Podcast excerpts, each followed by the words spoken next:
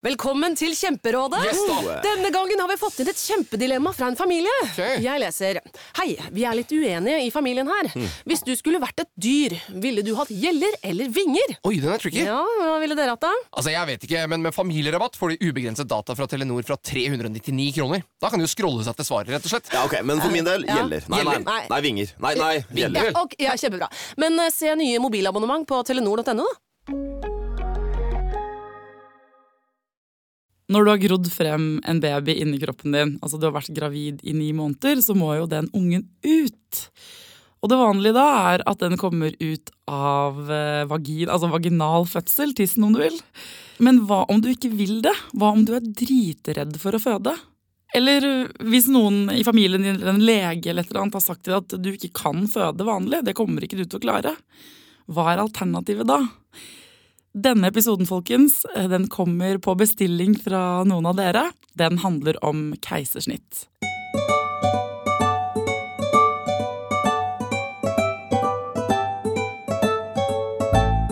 Hjertelig velkommen til Foreldrerådet fødselslege og småbarnsfar Torbjørn Broksten. Tusen hjertelig takk. Eh, Du, eh, kan alle få keisersnitt? Svaret sånn kort er nei. Eh, Det betyr ikke at ikke alle kan få en samtale rundt hvordan fødselen skal eller bør gjøres. Men eh, i Norge så vil nok de fleste oppfatte at vi fødselsleger er, det, er litt tilbakeholden på dette her med at alle kan få keisersnitt. Hvorfor, hvorfor det, da? Nei, fordi vi eh, ønsker jo alle som driver jobber i helsevesenet, ønsker at vi har best mulig helse for de vi jobber for. Og vi vet at det er best mulig helse for mor og barn å komme det som populært kalles vanlig vei, da, gjennom fødselskanalen eller gjennom, vagina. Eh, og da sier vi eh, ofte at vi må gjøre en vurdering. Og så er det slik i Norge da, at eh, det fins alle mulige typer lover og regler. Og i den som, loven som vi holder, da, helsepersonelloven, så er det slik at en kvinne skal ha en medbestemmelsesrett på en, et inngrep eller en behandling hvis det er to helt jevngode behandlinger. Ja. Og så mener vi at det er ikke jevngodt, men en kvinne skal ha helt rett til å bli hørt. Og bli lyttet til og bli tatt på alvor.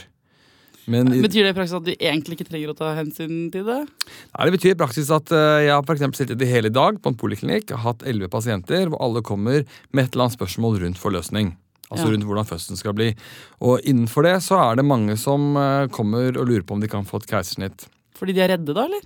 Av de så er det to grupper. Noen er født før, noen er ikke født før. Og de som har født før, har jo en eller annen bagasje med seg. Kanskje ble keisersnitt sist, akutt. Eller Ja. kanskje de hadde en veldig traumatisk eller vond opplevelse sist, som ikke har blitt bearbeidet.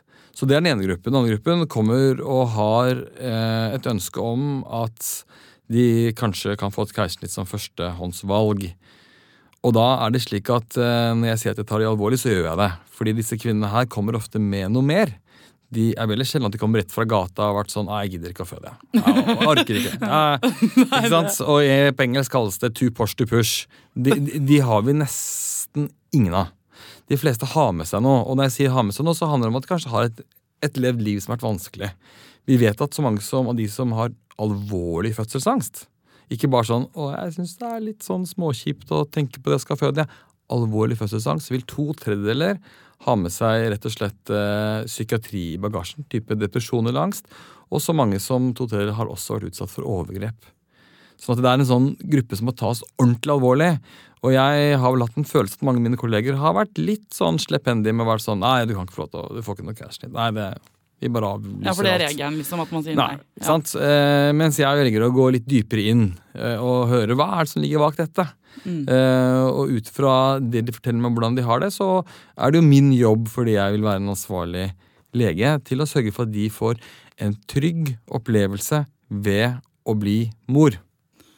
Men, men er det noen som får u- automatisk, uten at de kanskje vil det, da, uh, avgjort keisersnitt uh, ved første gangs fødsel? Ja, ikke sant? Du kan få noen sånne medisinske situasjoner da, som handler om hvis morkaka legger seg ned for eksempel foran livmorhalsen der barnet skal ut. Altså, du kan ikke føde gjennom en morkake. Nei.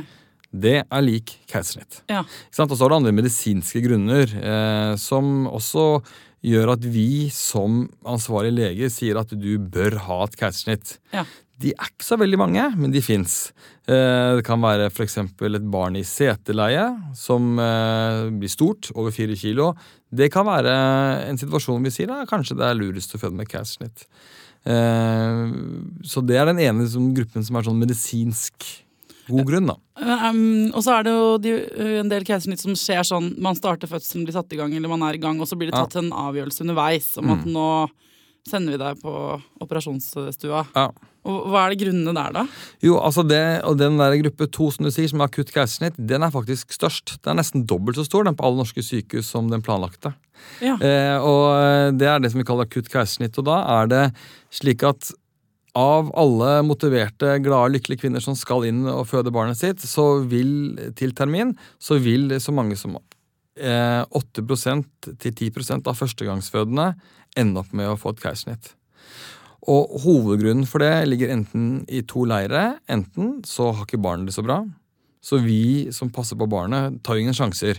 Det har man egentlig aldri gjort, men vi tar mye mindre sjanser enn vi gjorde før. Ja. Slik at hvis vi vet eller tror eller mener at det barnet ikke har det bra, og kommer ikke til å takle å ligge i fødsel mer, ja, da tar vi keisersnitt. Ja. Den andre gruppen er hvis du ligger der og du holder på og du har ri og du skal føde, men det går én time, det går syv, det går tolv. Altså det bare skjer ikke noe ordentlig. Det åpner seg ikke ordentlig opp. Da har vi også keisersnitt. Ja. Så det er de hovedgruppene. Altså en forlenget fødsel eller en fødsel som barnet på en eller annen måte føler seg truet. Jeg tror det er litt sånn forskjellig forhold til det. For noen mennesker er jo sånn Å, jeg håper jeg kan få keisersnitt fordi jeg vil ikke holde meg til den fødinga. Mens øh, den andre læreren, altså sånn som jeg, da, som var sånn utrolig innstilt på føde, og holdt på sjukt lenge Jeg ble så redd for at det skulle ende med keisersnitt. For man har liksom sett, uansett hva man har sett for seg, så har man sett for seg noe og det er noe stort som skal skje. Så det blir eh, måte, Det er liksom så innmari big deal da, for Ja, den det gjelder. Jo, det er en big deal, og eh, bare for å liksom, si det her med en gang Den aller største gruppen av dere der ute som eh, vil ha barn eller skal få barn, kommer til å oppleve en normal svangerskap med en normal fødsel og et sprekt barn. Det er den vanligste gruppen. Og så er det en big deal, for dette er jo den største episoden i livet for de aller fleste. Ja. Og det må vi som jobber med det, selvfølgelig ta veldig sånn på alvor og vare på. Eh, og så er det slik at eh, et ord som veldig mange bruker når det kommer til meg, og som alltid gjør at jeg enten eh, flirer i skjegget eller flirer åpenlyst, er liksom Jeg er litt kontrollfrik. Og, og jeg skal ikke legge noe som sånn Hei, dere kvinner der ute, jeg oppfatter dere som kontrollfriker. Men de fleste har lyst til å ha en viss kontroll over det de skal gjennom. Eh, Absolutt. Og da er det mange som belegger det til å si at jeg har lyst til å kontrollere fødselen min. Jeg vil ha keisersnitt, for jeg vil ha en kontroll på at dette blir den datoen. De personene, dere som er best til å gjøre det, skal gjøre det. Det er én måte å være kontrollfrik på. Hva sier du da? Eh, Og jeg sier alltid at vi sletter, sletter ordet kontrollfrik, fordi frik da høres ut som det er noe galt med det. De bare har lyst på kontroll. Så andre, da, da sier jeg at eh, jeg skjønner det, og så skjønner jeg det ikke. For hvis jeg skal skjære i deg, som et keisersnitt jo er, så ser jeg jo at kanskje du kanskje har litt mindre kontroll, for da er det jeg som har kontroll. Du ligger helt sånn bundet ned på en operasjonsbenk. Men jeg skjønner jo Skremmer dem men jeg skjønner. Nei, det, det, det, er- veldig, veldig viktig. Jeg tror alle lyttere som har vært hos meg, forhåpentligvis skriver inn og sier 'nei, han gjør ikke det', for jeg gjør ikke det. Nei, jeg skjønner det. Du Tvert- virker veldig lun og grei. Tvert om så prøver jeg å gjøre det trygt for de til å føde. Men de kvinnene som da har lyst til å føde, de vil ha en viss kontroll over det også. Og i den kontrollen så ligger det jo at man har lyst til det fleste ønsker, er å ha en ganske normal, innenfor normal tid, med normal mengde smerte og normal mengde involvering og normalt Det er det de fleste vil ha, da. Så vil vi også ha veloppdragne unger som sover hele natten og Ja. som spiser brokkoli og alt det der. Altså Det er jo det hele gaven å bli mor og far er. Er jo liksom eh, det er, det er en gavepakke av å miste kontroll på Ja. ganske mange områder. Og det er litt viktig. og? Du og jeg som har barn, vi kan, liksom, vi kan si det, og jeg tør av og til å være nær nok pasientene mine til å si at Eller ikke pasientene mine, de gravide kvinnene jeg følger. Til å si at eh, vet du hva? Det er nå du må begynne å tørre å miste kontroll. Eh, og så driver ikke jeg nødvendigvis med en sånn veiledning type jeg er psykologen din, nå skal vi gå gjennom livet ditt så du får en bedre kontroll og mestring. Men det er allikevel noe med det. Du må, når du blir forelder, ta, ta det steget. Men de færreste har lyst til å liksom begynne den dagen de skal føde. Da, har de lyst, da vil de ha kontroll. Og etter det kan det hende at de skjønner at det ikke blir kontroll på alt mulig i livet. Men, men, eh, men som jeg sa til deg i starten, så er det mange som har med seg en bagasje som gjør at det er vanskeligere å helt liksom kjenne på og miste kontroll.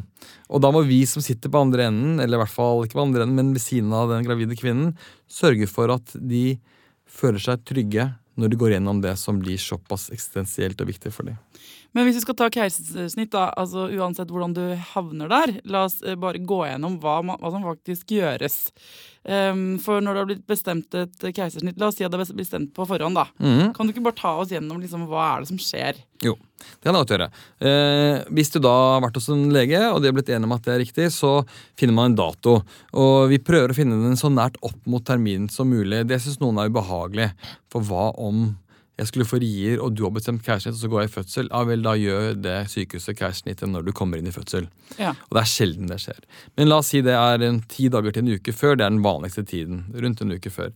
Så vil du bli eh, Og da er du på en måte på en liste. Da, da står du på operasjonsstue, på operasjonsstue 1, førstemann på listen. Og Så kommer du inn, og så vil du være fastende fra dagen før. De fleste sykehus har en eller annen form for sånn informasjonsmøte, så du får litt sånn mer informasjon om hva du skal gjøre på forhånd. Sånn praktiske ting. Du skal eh, vaske deg med en metihibiskrubb, du skal tømme tarmen, du skal barbere deg litt nedentil. Ja, du skal ta det selv hjemme, da. Ja. Eh, og så eh, kommer du, og da er du fastende. Eh, og det som er med et keisersnitt, er at det er en operasjon, men det skal gjøres i gåsehudene så hyggelig og fint som mulig. Men kan jeg bare spørre, før du forteller om det hyggelige, hvorfor må man barbere seg leden til? Nei, vi skal jo gjennom et område der, da. Det er ikke veldig vanskelig når man er ni måneder gravid. uh, og når jeg sier nedentil, så betyr ikke det at man skal komme med en Brazilian waxed. Ok, altså. ok. Uh, så uh, nå skal jeg heller moderere det hele. Eh, og du vil være overrasket over mange som har gjort det for øvrig i fødsel. Det er Ja, det er side- en helt annen episode. helt annen episode, men det kan, vi, det, kan, det kan vi ta senere. Men du skal rett og slett Vi, vi, kommer til å operere 1-2 cm over hårlinjen, så, Ja. og der skal vi vaske, og for at liksom, det, limet skal sitte og litt sånt noe. Og så er det jo litt mer forbundet med bakterier der hvor det er mye hår osv. Så skal ta toppen, på en måte. Toppen, første par centimeterne. Så kommer du inn, Ja. og så er det, som jeg sier til alle som skal føde med keisersnitt, at det, skal, det er en god stemning. Det er, det er en, en gjeng på en operasjonsstue som er der for at du skal ha det bra. Noen er kjempenervøse, og det er vi eksperter på å takle. Og de ekspertene kalles anestesipersonale, dvs. Si de som hjelper deg med bedøvelsen. Og hjelper deg med pusten og sørger for at hjertet ditt dunker i riktig rytme osv. De er de mest populære folka på et sykehus. Det er jo de som kommer med drugs, da. Til folk som har det vondt. Det sier du til han som forløser barnet ditt. ja. Okay. Nei, jeg husker bare, altså, ja, nei, det bare De får vel mye kjærlighet når de gir sånne likeglassbrøyter og sånn eh, koselige ting til folk. Ja, de, de gir ikke likeglassbrøyter, men de får kjærlighet. Men de gir litt kjærlighet også. Det betyr at de, de gir en sånn de, Meningen er å gi, gi ro. Så vil du da få den sprøyten i ryggen som heter spinal. Det er en sprøyte som gjør at du blir bedøvet. Du blir ordentlig bedøvet, sånn som hos tannlegen, hvor du ikke kjenner at det er vondt å bore, men du klarer ikke å fjerne følelsen av at noen tar på deg. Så, eh, så fra hvor og ned, liksom? Nei, da, da er det fra på en måte midt, eh, nest, rett under brystkassen og ned vil du være ordentlig bedøvet. Og kan eh, partneren være med her, da? Er, Ja. er vedkommende med? Det er veldig viktig, syns jeg, at partneren er med. Eller den personen du føler tryggest med. Eh, og det, da vil den personen få lov til å sitte veldig tett inntil, og dere sitter sammen slik at liksom, det er nesten hode mot hode. Og så blir det da lagt en eh, operasjonsduk som gjør at du ser ingenting. Du ser hodet, ansiktet mitt, jeg kan titte ned på deg og si hallo, men du ser liksom ikke hva hendene mine gjør. Nei. Det er greit. Og så, eh, når det da er bedøvet, så vil vi sjekke bedøvelsen skikkelig grundig, så ikke du skal liksom råke ut for at eh, Ai, det var skikkelig vondt. Det, det må du slutte med. Ja. Og så eh, opererer vi ut barnet. Og da skjærer dere i magen. Må nesten det. Altså, du må bare, bare, bare fortell. Vi kan godt gå i detaljer. Eh, nei, vi må skjære gjennom noen sånne lag. Også, det er ikke så viktig hva anatomisk anatomiske lagen heter, men det vi gjør, vi prøver å finne en liten pen linje som ligger omtrent midt på, og som ligger et par centimeter eller to fingre over det som på veldig dårlig norsk kalles skambenet, eller øvre del av bekkenbenet. Ja. Og så går vi med en rett strek inn der, og så er det et veldig viktig poeng at vi skjærer ikke gjennom sixpacken eller musklene. Noen kvinner tenker det, at de liksom bare De kvinnene som har sixpack, mener du? og men alle har jo en sixpack eh, lengst inne. Enten om det er lengst inne på. ja. Men, Alle, alle har det. Men eh, skjærer dere også gjennom fosterhinnen? Og så kommer vi gjennom da, eh, når vi kommer til den eh, området hvor det er muskler, så såkalt spalter vi den muskelen i to. Det betyr at hvis du ser for deg da, på jenterommet ditt, så har du sikkert bilde av en eller annen med en sixpack. Så ser du for at det er noe sånn sixpack oppover, så er det en midtlinje hvor det ikke er noe. Den midtlinjen går vi gjennom. Okay. Og den, og den lar seg dele bare med, med fingre. Og så går vi inn i, inn i buken, der hvor eh, livmoren ligger, hvor det også ligger tarmer og alt annet. Eh, og så skjærer vi nedre del av livmorveggen, eh, og da gjennom fosterhinnen, så kommer vi inn til babyen. Åh, så kommer dere inn til Ja, babyen, og hva skjer da? Nei, da tar jeg babyen i hånden, og så hjelper jeg den ut. Vil jeg da altså rett og slett fører den ut. Mens min kollega eller noen andre legger da en arm oppå livmoren og på det dytter den ut. Så jeg viser hvor den skal komme, mens den andre kollegaen dytter den ut. Så tar jeg tak i skulderen og løfter den ut. Og da Slik- kjenner man presset, da. Ja, og det er da vil alltid anestesipersonalet si nå kommer du til å kjenne at noen presser litt på deg. Mm. Og hvis du skulle ha så hva skal vi si, flaks at jeg opererer, så synger jeg en liten eh, bursdagssang også. Synger du bursdagssang? Ja. Og så kommer babyen ut, og da, er den akkurat, sånn, da begynner den å gråte. og... ja, Og det er det som jeg sier til de som skal kjæreste, det er ikke sikkert at den begynner å gråte. Fordi det som blant annet barn gråter over, er at de blir klemt gjennom fødselskanalen. Og det er blant det vi tror er fornuftig med ikke å gjøre keisersnitt, er jo at man får lov til å komme gjennom den kanalen og bli presset gjennom. Men de fleste gråter. Men de må også faktisk litt fort ut av rommet, eller i hvert fall bli tørket litt, for det blir jo brått kaldt, da. Ja. Hos en vanlig fødende så vil barnet komme rett på brystkassen til mor, og så vil man på en måte Men mor legge armen over, og sånt, og så holder man varmen. Men her er vi litt nødt til å, å rett og slett få på litt eh, tørre lakener og sørge for at det ikke blir kald. Men eh, vi hadde Gro Nylander her eh, i Foreldrerådet, og Ja. hun snakka om nærhet. Hun har jobbet masse med. Ja, Hun er klok. Hun er veldig veldig klok, og hun sa at uh, de hadde funnet ut viktigheten av at den kom på brystet til mammaen, sånn at det også nå var praksis på, På en del keisersnitt, det er helt riktig. Ja. Og vi gjør også det. Eh, hvis jeg skal liksom ta en prosent, så vil de Halvparten vil nok innom det som vi har som et sånn rom hvor vi kleper litt, så rett tilbake. Mm. Men vi er veldig interessert i å få de på mors bryst under keisersnitt også. Det er masse gode effekter ved det, fordi vi trenger bl.a. hormoner for å få livmoren til å trekke seg sammen. Og ingenting eh, er bedre enn at barnet, barnet da begynner å, å amme, da. Som gjør at man får hormonstimulert kvinnen. Men er det noen liksom fordeler sånn, Nå hørtes det jo ganske koselig ut å få keisersnitt, det må jeg si. Eh, det Ja, Det skal jo være fint å bli mor, da. men hva er, hva er grunnen til at man eh, liksom stort sett burde føde vaginalt? Hva er fordelene med vaginal Mm. fødsel? Det er, eh, det er nok mer og mer fordeler enn det vi trodde før. Eh, Før så var vi veldig sånn opptatt av at hovedfordelen med å føde første barnet vaginalt var at da var resten av, fødsel, resten av fødselskarrieren mye bedre. Lettere. Med nummer to og tre og sånn, mener du? Mm. Og det gikk blant annet på at vi lager jo arr i den livmoren, så når vi er ferdig med å få ungen ut, så er et poeng til, vi tar alltid ut morkaken samtidig. Én av to spør alltid om har dere tatt ut morkaken også. Yes, den tar vi ut akkurat samtidig, så syr vi oss ut. Det blir et arr i den livmoren. Det arret i den livmoren det syr vi veldig pent og godt sammen, men det er ikke så bra som når det ble skapt. Så det arret i livmoren det vil gjøre det vanskeligere for, kvinnen, for kvinnen å, å bli gravid neste gang og øh, føde neste gang. Når jeg sier vanskeligere, så sier jeg ikke umulig eller alt blir ødelagt osv. Jeg sier bare at det blir statistisk Litt sett litt vanskeligere. Mm. Og du har større sjanse for at det kan bli problematisk graviditet og problematisk fødsel. Eh, det, skjer, sikkert, det skjer sikkert ikke med de som gjør eh, de tre vi gjør keisersnitt på Ullevål med i dag. Men det kan skje med ikke sant, en, to, tre av de vi gjør i løpet av året. Og det kan bli såpass hva skal vi si, vanskelig at det kan være alvorlig. Og vi ser en økt grad i verden, spesielt i landet hvor det er mye cashnit, hvor det er på en måte så alvorlig at vi snakker liksom farlig. Dette er ikke ment for å være en sånn skremmepodkast, for jeg skal skremme Nei, folk til å hindre å gjøre keisersnitt. Men det er på en måte ytterste konsekvens. Ja, men Dere må jo være ærlige. Det er deres jobb som fagpersoner å være helt ærlig. Så, så det, det, det er den ærlige biten. Og det har, det har liksom vært tradisjonelt sett liksom vårt sånn mantra. Men så er det så mye forskning som nå skjer i forhold til fortreffeligheten for barn å komme vaginalt. Og igjen så skal ikke det være ment som skremmende at alle som hører på nå, som har hatt keisersnitt og barnet ikke er kommet vaginalt, blir kjemperedde. Eh, men de fleste har kanskje hørt noen rykter om at det er økt sjanse for astma og allergier for de som fødes. Hva er grunnen til det? Nei, det er, eh, og det er rett og slett av to hovedgrunner. Det ene vi tror, er at man blir skvist gjennom en fødselskanal, og man får ordentlig grått seg ut når man blir født. Det er viktig. Det vi vet mer, det vi tror eh, mer og mer på, er viktigheten av å få en skikkelig kladeis med bakterier rett i fleisen når du blir født. Det er skikkelig bra. Ok! Jeg jeg Det er for sterilt, liksom, i, er for i den operasjonsstua. Alt, altfor sterilt. Eh, når jeg studerte i Dublin eh, for mange år tilbake, så, så var det ikke så vanlig med klister. Så mange barn kommer jo, og det er ganske nært det andre området hvor det kommer avføring. slik at mange kom liksom med litt avføring og litt baby, og så kom alt sammen. Og så syns jo mange kvinner at det er liksom, det er ikke Ufresh, kult. liksom. Ja. Men det er fresht for barnet. så, så vi ønsker oss mer av det.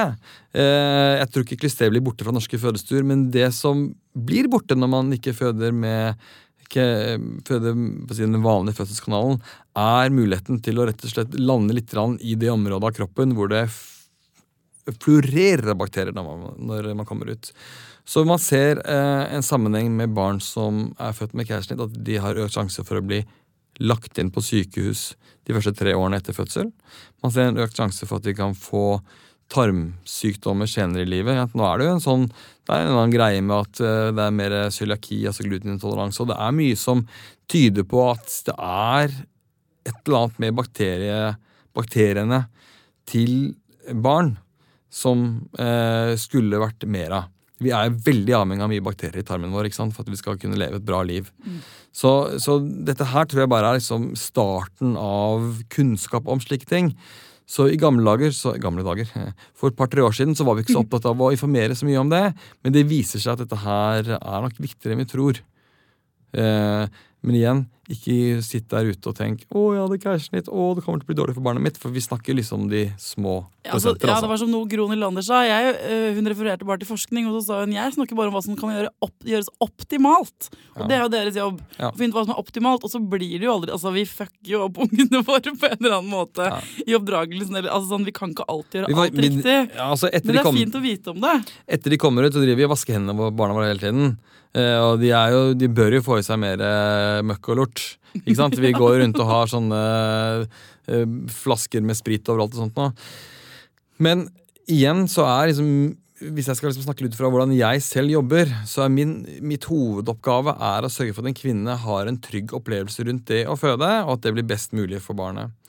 Eh, og det er noen kvinner som da har lest det opp på nettet. Da, sier de, men eh, hvis det ikke kommer vaginalt, kan ikke jeg putte en, en, eh, en klut i vagina? Og så kan den ungen få liksom vaska seg litt med når den kommer ut. Du smiler, men dette her er, eh, dette er real life. Eh, og, det, og det har vi trodd er ganske smart. Men nå er jo Jeg skjønte ikke putte en klut i vagina for hva da? Ok, Vagina er full av bakterier. Ja, Hånd er full av bakterier, munnen Ja. er full av bakterier.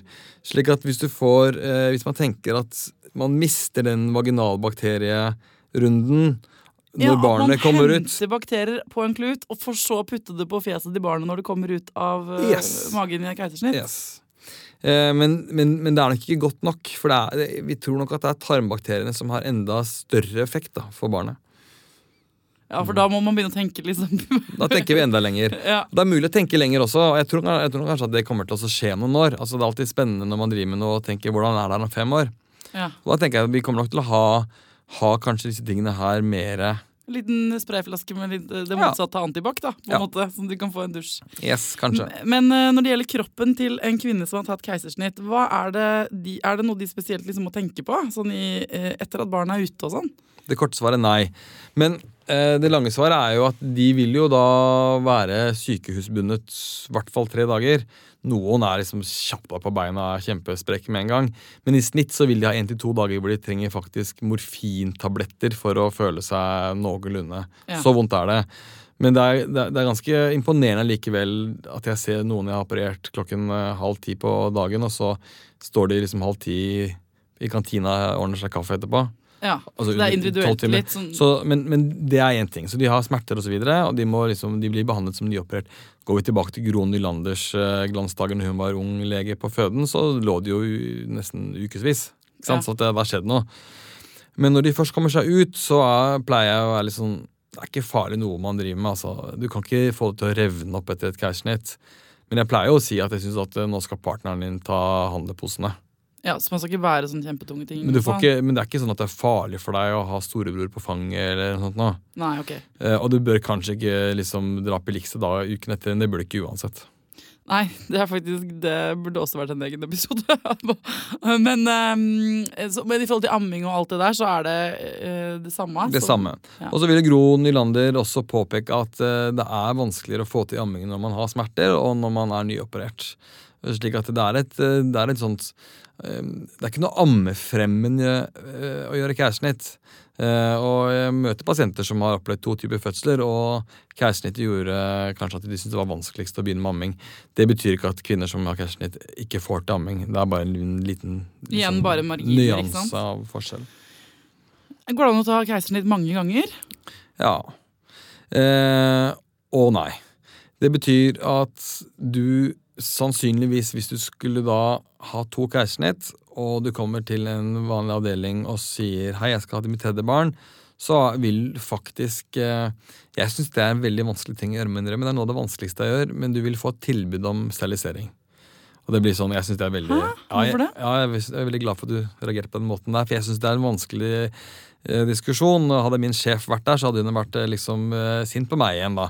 Nei, det betyr at en kvinne skal informeres om at etter tre keisersnitt så er hun en risikoperson i forhold til å bli gravid igjen.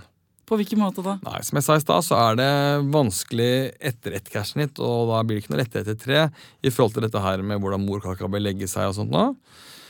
Og så er det slik at hver gang man opererer, så gjør man det beste man kan, men man kan ikke få til like bra som det var før.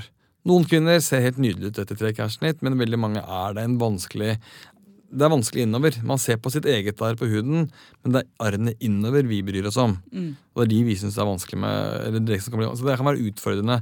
Så du, du vil øke økt eh, sjanse for at det kan bli skader underveis under operasjonen, og så vil det også øke sjansen for at livmoren din, veggen, blir tynnere og tynnere for hver gang man opererer i den, og da er det også en større fare for at den ikke vil holde. F.eks. ved rier. Så, så når det er sagt, så, så vil du få det spørsmålet, og da vil det hæ du ville kommet med, blitt besvart sånn som jeg gjorde nå. Nå er det kvinner som har hatt fire cashnit, fem cashnit. Jackie Kennedy, kona til eh, ikke John F., men han andre Kennedy-duden, hun hadde, tror jeg, ti eller elleve cashnit. Jøsses. Så, så det Ja, jøsses. Så det, det er også en, eh, en mulighet. Eh, Jeg tror ikke jeg har noe Var rekorden min ja, fem, kanskje? Fire-fem? Det er ikke så mye oftere mer enn det. Men jeg har inntrykk av at de andre land er ganske sånn her eh, At du kan i hvert fall velge, om ikke du anbefales å ta keisersnitt. Jeg har barn med en fra Argentina. Der borte er det ekstremt vanlig å ta keisersnitt.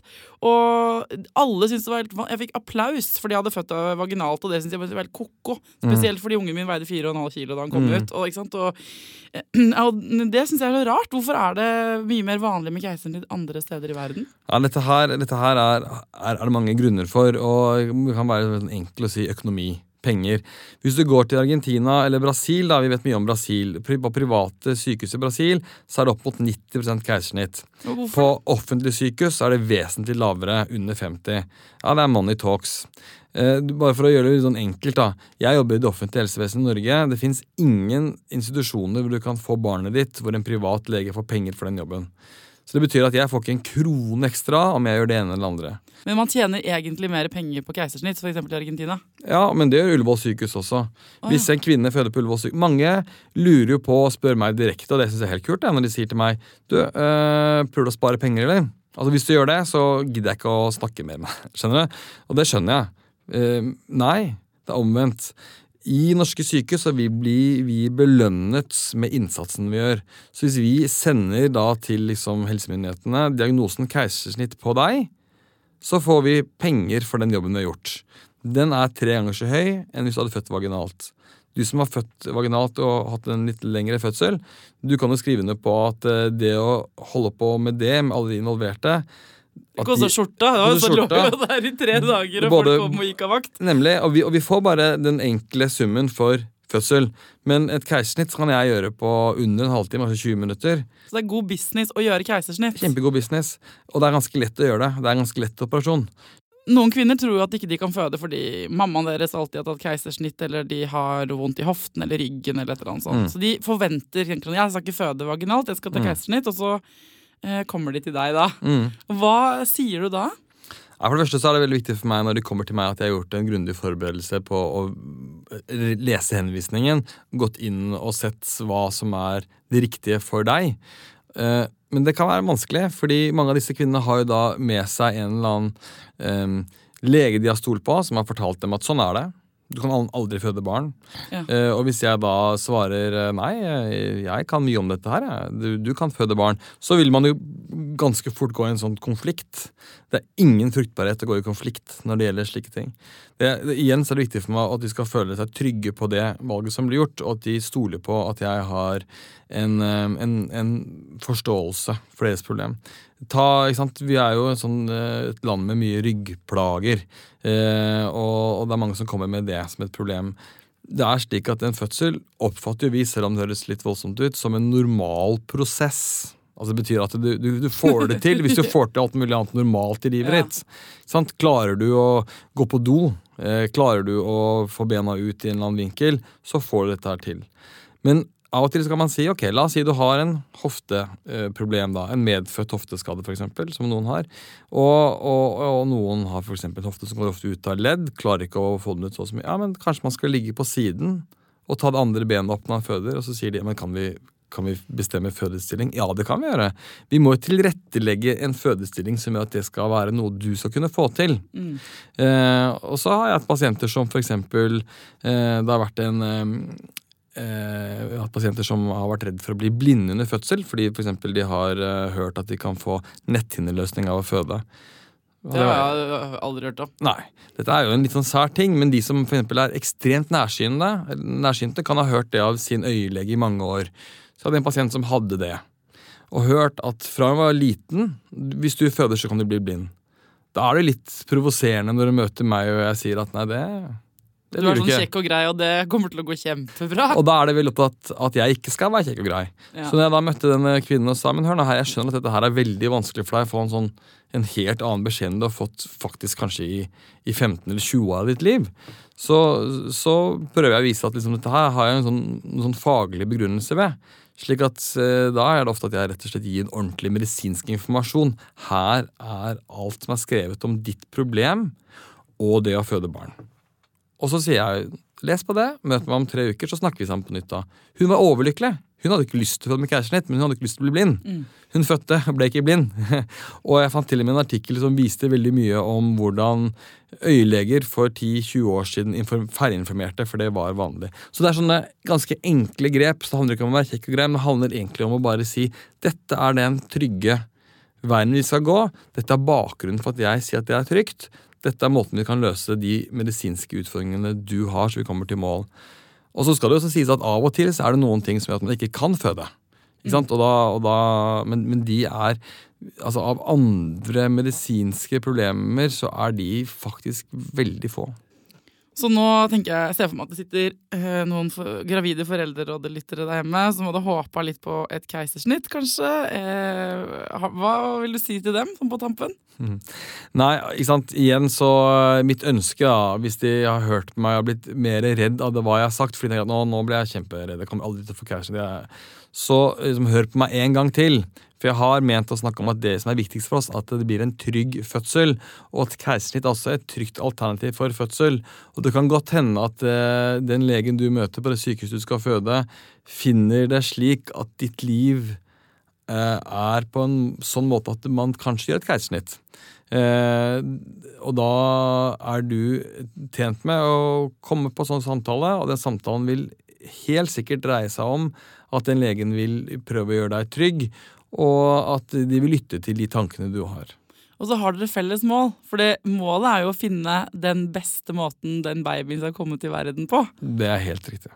Tusen, tusen takk for at du kom til Foreldrerådet, Torbjørn. Bare hyggelig.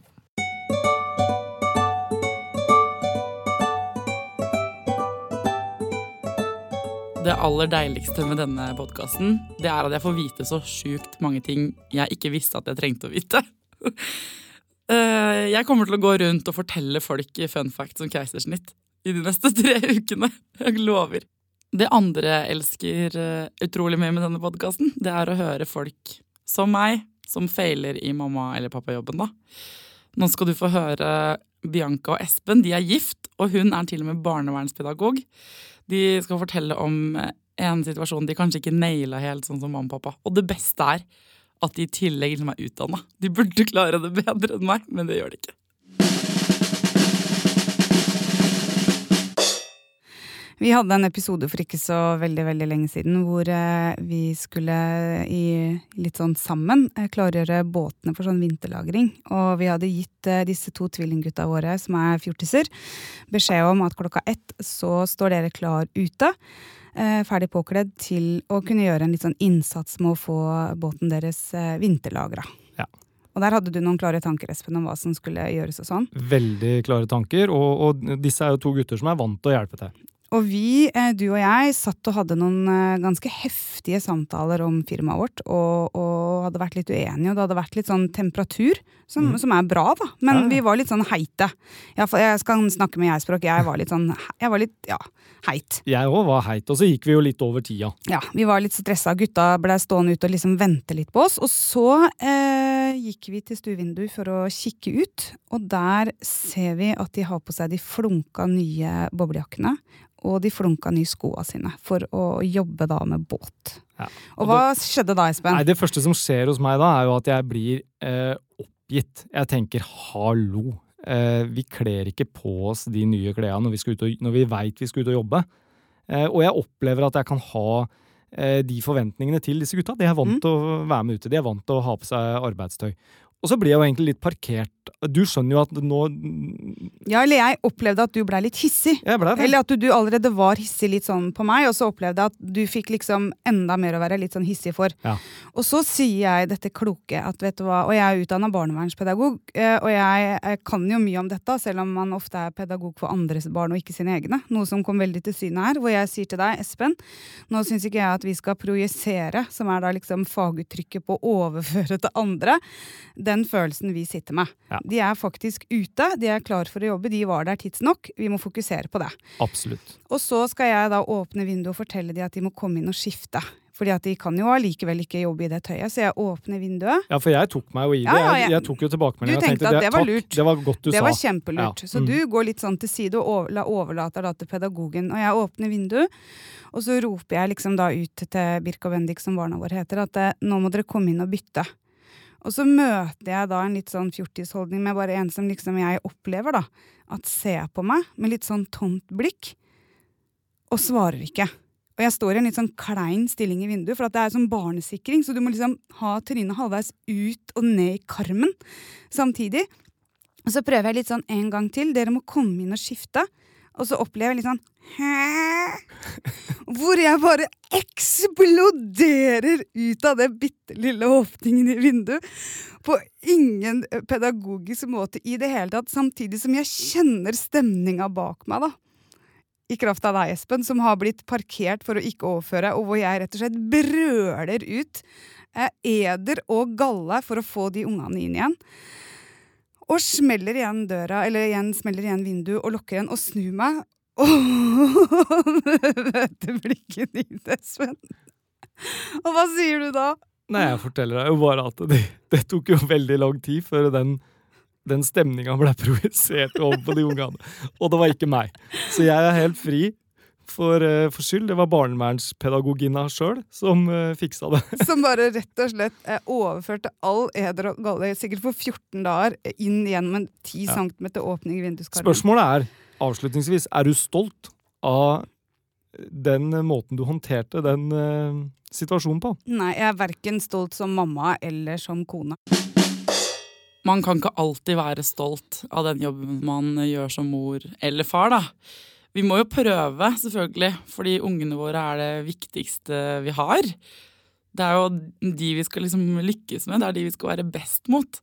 Så vi må bare prøve, og så kan vi trøste hverandre og gi hverandre gode råd eh, når det ikke går sånn dritbra. Tusen takk for at eh, dere gir meg stjerne på iTunes. Altså, jeg har sagt det mange, mange ganger, men jeg, det er helt sant at jeg drikker ett glass cava per stjerne jeg får på iTunes. Jeg går inn og sjekker hver dag. Så sparer jeg det opp til helgen. Hmm, eller, ja, det er helt, helt sant. Så gi meg gjerne flere stjerner på iTunes, og gå inn på Facebook og finn Foreldreråd-sida der. Der legger jeg ut eh, både det ene og det andre. Av det vi snakker om, og ventilering og, og sånn. Jeg liker dere veldig godt. Jeg tror dere er verdens beste podkastlyttere. Jeg har lyst til å klemme dere og feste med dere og sånn. Men um, til neste gang så syns jeg dere skal ta vare på dere sjæl. Ta vare på ungene deres, og ha riktig lykke til.